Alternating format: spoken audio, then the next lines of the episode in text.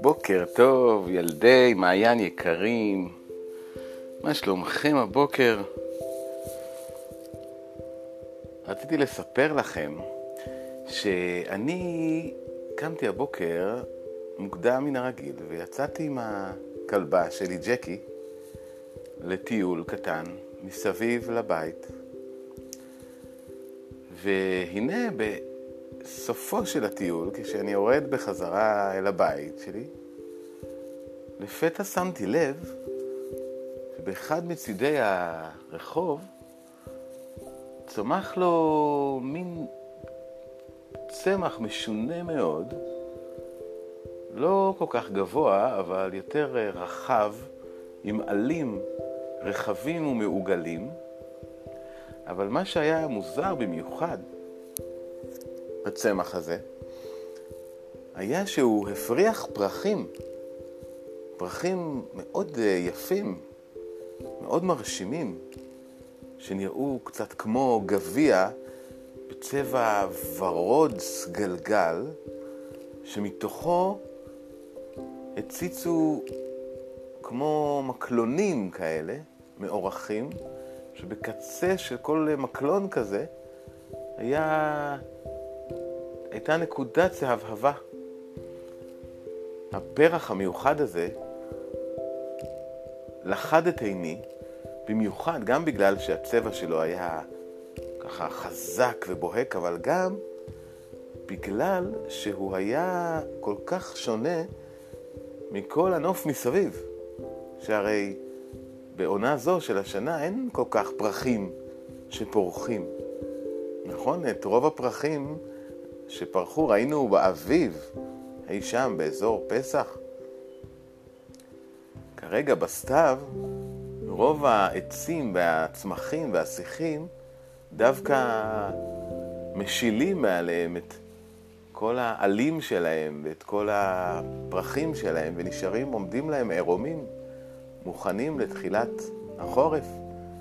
והצמח הזה, ברוב חוצפתו, הוציא דווקא עכשיו פרחים, והראה אותם לעולם, לכל עבר. חשבתי לעצמי שהפרח הזה הוא די חוצפן וגם אמיץ, שהוא מרשה לעצמו להתנהג אחרת לגמרי מכל הצמחים שמסביבו. בליבי אהבתי מאוד את הצמח האמיץ והחוצפני הזה, והחלתי לו שהוא יצליח לשמור על הפרחים שלו עד לבוא האביב. ועכשיו נמשיך בסיפורנו, אבל לפני כן נקפל את הרגליים ונפרוס את הכנפיים. ועכשיו אפשר לעוף אל התכלת בשמיים. מלמעלה מתגלים אגדות וסיפורים, צרור, שמועות, מעשיות, מלוא החופן של בדיות, שלחש לתוך אוזנו, סב לאב ואב לבנו. אתמול נפרדנו מנילס והאווזים, אחרי שהם הצליחו ביחד עם האייל הגדול, גדל הקרניים, לגרש ולהפחיד מאוד את שלושת השועלים. אבל אין זה סוף הסיפור של שלושת השועלים ושל נילס. היום הם ייפגשו אולי שוב. בואו נראה. הפרק הבא נקרא נקבת התופת. הוא מתרחש בשבת, 9 באפריל. ביום המחרת התהלך האייל עם הנער הרכוב על גבו על פני האי. אי זה לא היה אלא סלע גדול אחד. דומה היה לבית גדול, שקירות מאונחים לו וגג שטוח. בראשונה, בהתחלה, עלה האייל על גג הסלע והראה לנער את מקומות המרעה הטובים, אשר שם למעלה, ונדמה היה לנער כי האי נברא מלכתחילה בשביל צאן, בשביל כבשים. על ההר צמחו רק עשבים דלים, צנומים ומבוסמים, ערבים לח... לחיך הכבשים. אבל מי שהצליח לעלות על ההר התלול המאונח, היה מוצא שם למעלה עוד דברים אחרים שכדאי לראותם, מלבד מרעה הצאן. מכאן נראה קודם כל הים הגדול, רחב הידיים, שעתה בזוהר החמה התנוסס לתפארת בתכלת שלו וגלגל את גליו המבריקים. רק על יד צוקי סלעים בודדים היה מעלה קצף לבן. כלפי מזרח השתרע חופה הישר והמאורך, מוארך של גוטלנד, וכלפי דרום מערב אי קרל הגדול, שמבנהו ממש כמבנה אי קרל הקטן. האייל ניגש אל שפת הסלע ממש, עד שיכול הנער להתבונן בצלע ההר שלמטה. הוא ראה כי כולו מלא קיני ציפורים, ומלמטה, בין גלי התכלת, מצויים באחוות שלום שכפים, עדריות וברווזים מכל המינים שעוסקים בחריצות רבה בדייג ההרסנות, זה כנראה סוג של דגים. זוהי באמת ארץ מבורכת, אמר הנער. אתם, הכבשים, התמזל מזלכם. כן, יפה כאן, אמר האייל. נדמה היה כי יש בדעתו להוסיף ולהגיד עוד דבר מה, אבל הוא לא אמר כלום, אלא נאנח. אם תתהלך כאן לבדך, הוסיף כעבור רגע, היזהר נא מכל הבקיעים הללו, הנמשכים לאורך ההר. אזהרה זו באה בזמנה וטובה הייתה, כי במקומות רבים היו כאן בקיעים עמוקים ורחבים, כמו בורות שנפערו בתוך הסלע, שאליהם אפשר היה בטעות ליפול, אם לא שמים לב לאן שהולכים. הגדול מבין הבקיעים הללו מכונה נקבת התופת, אמר האייל. עומקו כמה מטרים ולמעלה ממטר רוחבו. אם ייפול מישהו לתוכו, יקיץ עליו הקץ, הוסיף עוד האייל, ולנער היה רושם שיש בדבריו כוונה מיוחדת. אחר כך הוליך את הנער למטה, אל החוף. כאן יכול היה לראות מקרוב את הענקים שהטילו עליו אימה בלילה. זוכרים שסיפרנו אתמול על דמויות ענקיות ומוזרות של מפלצות משונות שראה הנער על חוף הים? עיני היער, הנער לא שבעו מראותם. בליבו חשב כי אם באמת ישנם בעולם קוסמים שנהפכו לאבנים, ודאי שמראיהם הוא כמראם. למרות שגם למטה על החוף היה המראה יפה למדי, נראה לו לנער הרבה יותר למעלה על ראש הסלע. פחד נפל עליו כאן למטה, כי בכל אשר פנה התגוללו פגרי כבשים. כאן היו השועלים נוהגים לערוך את סעודותיהם. האייל והנער ראו שלדים חשופים לגמרי, וכן גוויות שנאכלו רק עד מחציתם. וכאלה שהשועלים לא נגעו בהן כלל. לחרדתם הרבה ראו כי החיות הטורפות הללו מתנפלות על הכבשים רק להנאתן, רק כדי לצוד ציד ולרצוח נפש. האייל לא התעכב על יד הפגרים, כי אם עבר לידם חרש. אבל הנער ראה כמובן את כל המראות הקשים. הוא לא יכול היה להימנע מזה.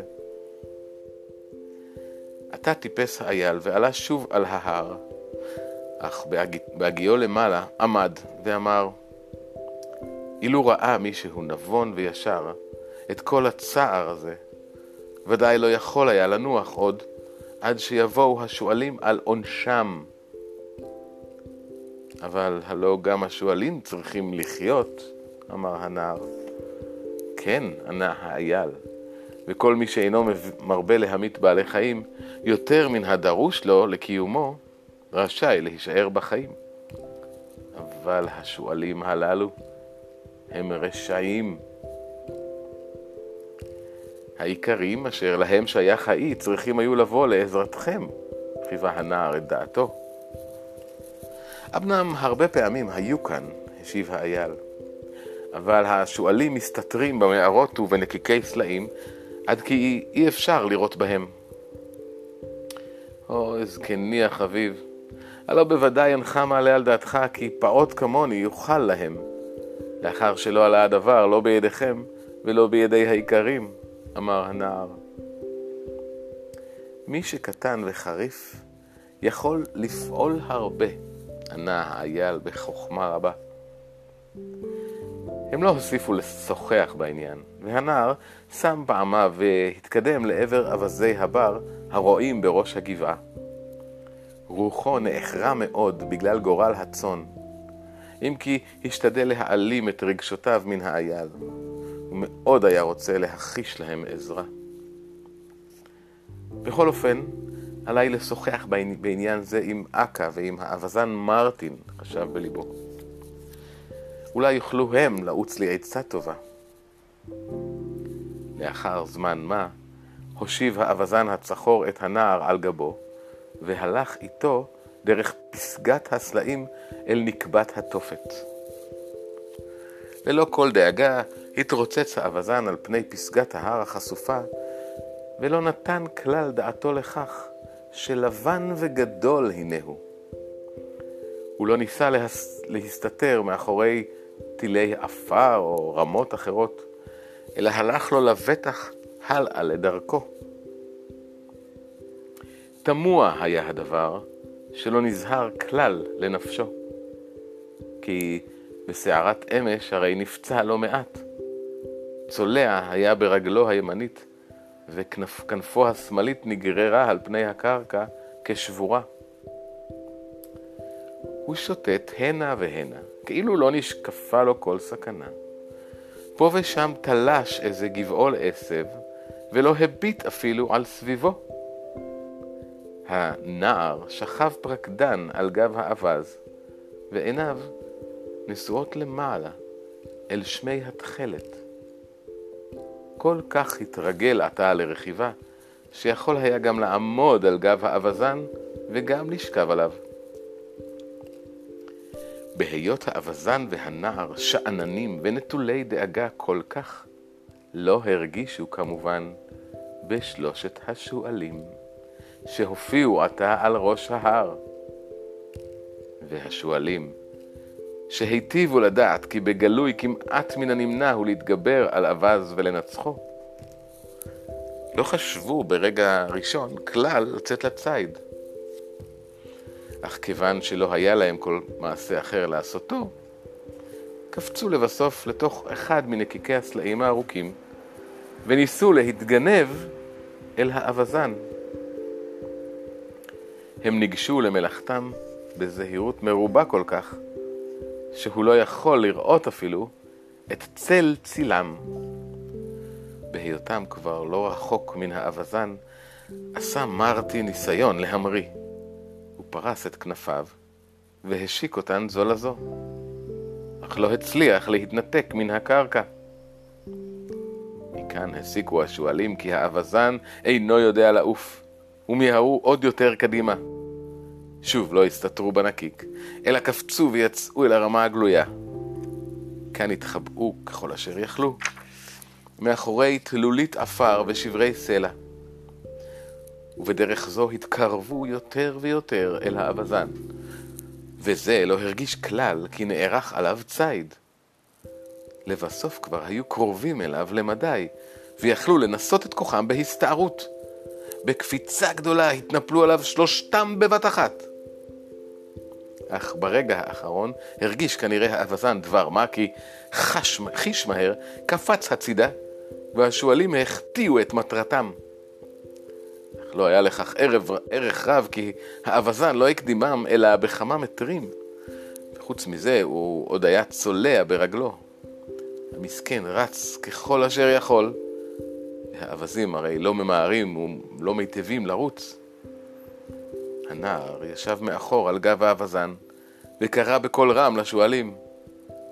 התפתמתם שועלים, והשמנתם מבשר הכבשים, ואפילו אווז אינכם יכולים לצוד? הוא קינטר אותם בדברים והתגרה בהם. קינטוריו הרגיזו אותם, והעבירום על דעתם, והם זינקו קדימה כמטורפים. אבל האווזן הצחור אץ ישר לעבר התהום הפעורה, ובהגיעו אליה פרס את כנפיו. המריא אל על, ואיננו. כאן, במקום זה, כמעט השיגו, השיגוהו השועלים. האווזן עבר במעופו את נקבת התופת, והוסיף לרוץ הלאה באותה המהירות שבה רץ קודם. אבל, לאחר שעשה עוד כמה מטרים, טפח לו הנער על צווארו ואמר, עכשיו יכול אתה לעמוד, האווזן.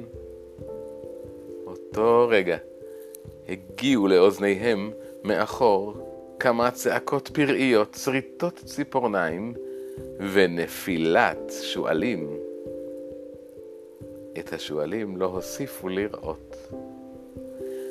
בבוקר יום המחרת מצא שומר המגדלור באי קרל הגדול, מתחת לדלת ביתו, חתיכה של קליפת עץ, ועליה כתוב באותיות עקומות: שועלי האי הקטן נפלו לתוך נקבת התופת. רד אחריהם.